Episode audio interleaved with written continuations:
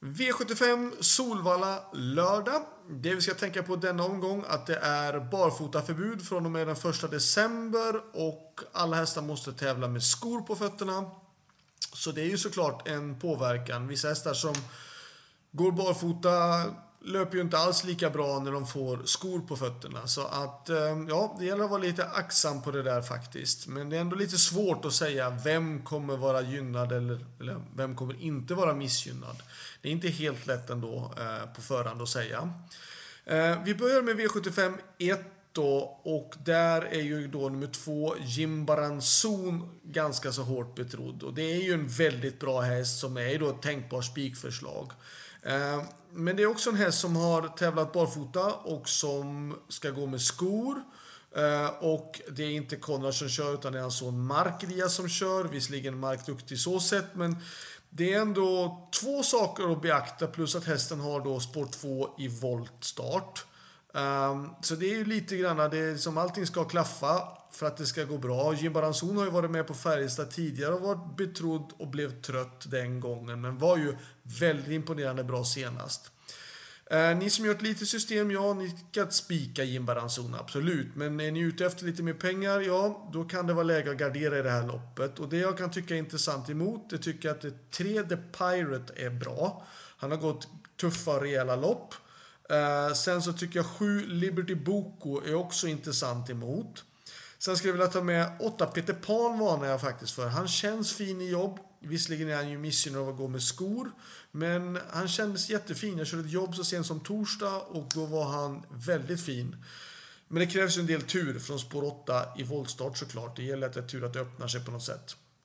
Sen tycker jag nummer 12, Windmill Jam, blir lite bortglömd. För den har varit ute i tuffa gäng hela tiden och Eh, har dragits på 12 men det är ändå lång distans så jag kan tycka att den är värt att ta med. Så 2, 3, 7, 8, 12 har jag valt att ta med. Vill ni gardera mera då tycker jag ni ska ta 1 Miramax eh, BR och sen då kanske ändra 5 Targaryen eller 4 Antigel. V75 2 är med Jikiniki. Eh, jag tycker att han känns bra. Eh, han funkar ju inte barfota senast på den där hårda banan som var på Bergsåker. Och nu måste han gå med skor och han har ändå gått ganska så bra med skor tidigare. Men jag tycker loppet är lite grann öppet. Jag vill ta med 1 Jikiniki, 3 JS Camaro, 5 Mirasol, 6 Jollywood och 11 Melby Jail. Har ni råd att ta med några mer, då ska ni ta med 4 Sheriff Sund och 2 Global Dependable. Men 1, 3, 5, 6, 11 som utgångshästar. V75 3. Sex, Moni Viking gör comeback. Han känns fin, men han är lite rund om magen, lite några extra kilo eh, har han på magen och han behöver lopp för att komma igång. Jag tycker faktiskt inte att man med tanke på det där ska spika ändå. Jag tycker att jag tror att han behöver lopp och han är också mycket, mycket bättre såklart när han går barfota. Han har ju inte tävlat med skor sådär särskilt många gånger. Um, plus att han möter hästar som har full form. Så att jag kan tycka att det kan vara värt att gardera med tanke på de förutsättningarna. Eh, och att det även finns andra bra spikförslag. Så att 2 miljon dollar Rhyme, 3 Sorir Frö, 4 Knight Brodde, 6 Money Viking ska självklart med. Även 7 Rom Pace Off tror jag lite på. Jag tycker ändå att Daniel Wäjersten väljer att köra honom istället för 8 Global Adventure som... Ja, jag tycker också har sett så fin ut i några starter som har gjort det för Daniel. Så att... Eh, Eh, jag tycker 8 Global Adventure kan vara en liten luring faktiskt att ta med i det här loppet. Men 2, 3, 4, 6, 7 och 8. Men jag ska säga så här, jag är inte missnöjd med Moni. Han känns fin, han känns jättefin. V75 4, kör nummer 1, Calabona. Eh, jag kan inte så mycket om hästen. Jag har fått ett sms av ägaren att han tror att den ska kunna gå någon 16-tid. 3 och 1 och det krävs det nog för att det ska kunna räcka det här loppet. Men det finns andra mer betrodda hästar som ska sträckas och jag väljer att spika 14 High On Pepper. Jag vet han står 20, 40, 60, 80 meters tillägg. Men jag tycker ändå High On Pepper är grymt bra. Han har mött bra hästar och vunnit på bra sätt. Och jag tycker att han är en bra spik. Kanske till och med för mig kan jag tycka att han är den bästa spiken i omgången. Motståndsmässigt tycker jag 11 Kinky Boots. 6 Blue Boy Face. 15 Ferrari Sisu. 10 Reven Deja Vu och 3 Matteo Di Quattro. Faktiskt i den ordningen. Jag rankar loppet som 14 etta före 11, 6, 15, 10 och 3. V75 5. Storlopp för lärlingar. Ehm, det här loppet tycker jag inte är helt lätt att tippa. Om jag rangordnar det så säger jag 9 Happy Go Pepper etta. Sen 5 Feed Nicky. 11 Fellini Burgerheide.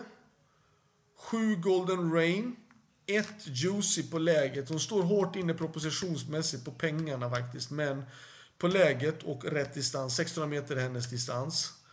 Uh, och sen då 6 Kentucky Derby. Har inte råd att ta någon mer häst som jag, som jag tycker har varit ute i lite tuffare gäng än vad det här är.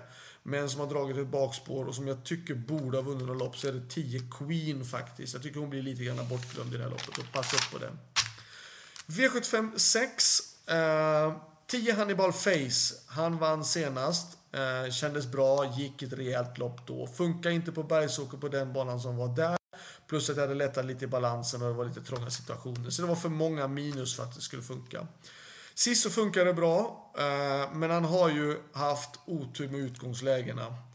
Eh, så att jag kan tycka att han är bra. Jag tror att han är tillräckligt bra för att kunna vinna det här loppet.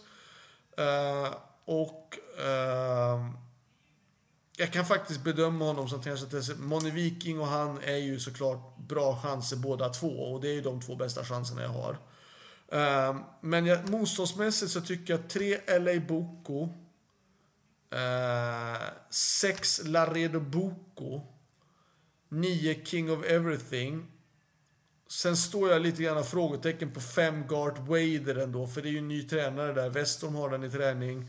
Uh, och de verkar ju nöjda med honom i jobben. Så att uh, jag tar med honom ändå.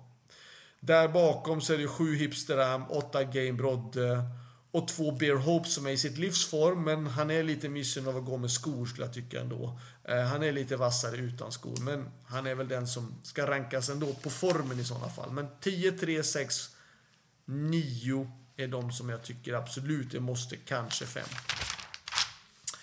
V75 7. Här tycker jag att 8 Michigan Bro är bra. Jag menar, han har varit ute mot sådana här Affair Day senast, Storm McCrow. Han har gått bra emot riktigt bra motståndare. Det skulle inte, faktiskt inte ens förvåna mig om han blåser till spets i det här loppet och jag tycker att han ska räknas supertidigt. Värst emot tror jag att nummer fyra Kendall Jackson är. Ehm, um, 8-4 rankar jag som utgångshästar. Där bakom säger jag faktiskt två Darius Di Poggio. Darius har haft jättemånga dåliga utgångslägen. Han har haft 10, 11, 10, 7, 11. Så han har verkligen inte haft tur med spåren. Och nu har han fått spår 2 och jag kan tycka att det är pass upp på det. Eh, även ett Santis Hilton är ju bra. Och 6 Tears in Heaven och kanske nummer 3 Brady också, ska jag tycka i sådana fall. Men 8-4 utgångshästar före 2, 1, 6, 3.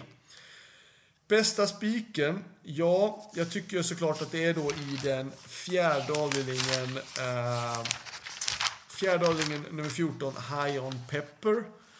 Eh, eller om man nu vill gå då såklart i den första avdelningen på nummer 2, Jim Baranzon. Bästa chansen? Ja, det är såklart det är ju två stycken som jag har som ska räknas. Eh, och det är ju då i V75 3, nummer 6, Money Viking, alternativt då i V75 6, nummer 10, Hannibal Face. Lycka till, så hörs vi. Ha det bra. Hej då!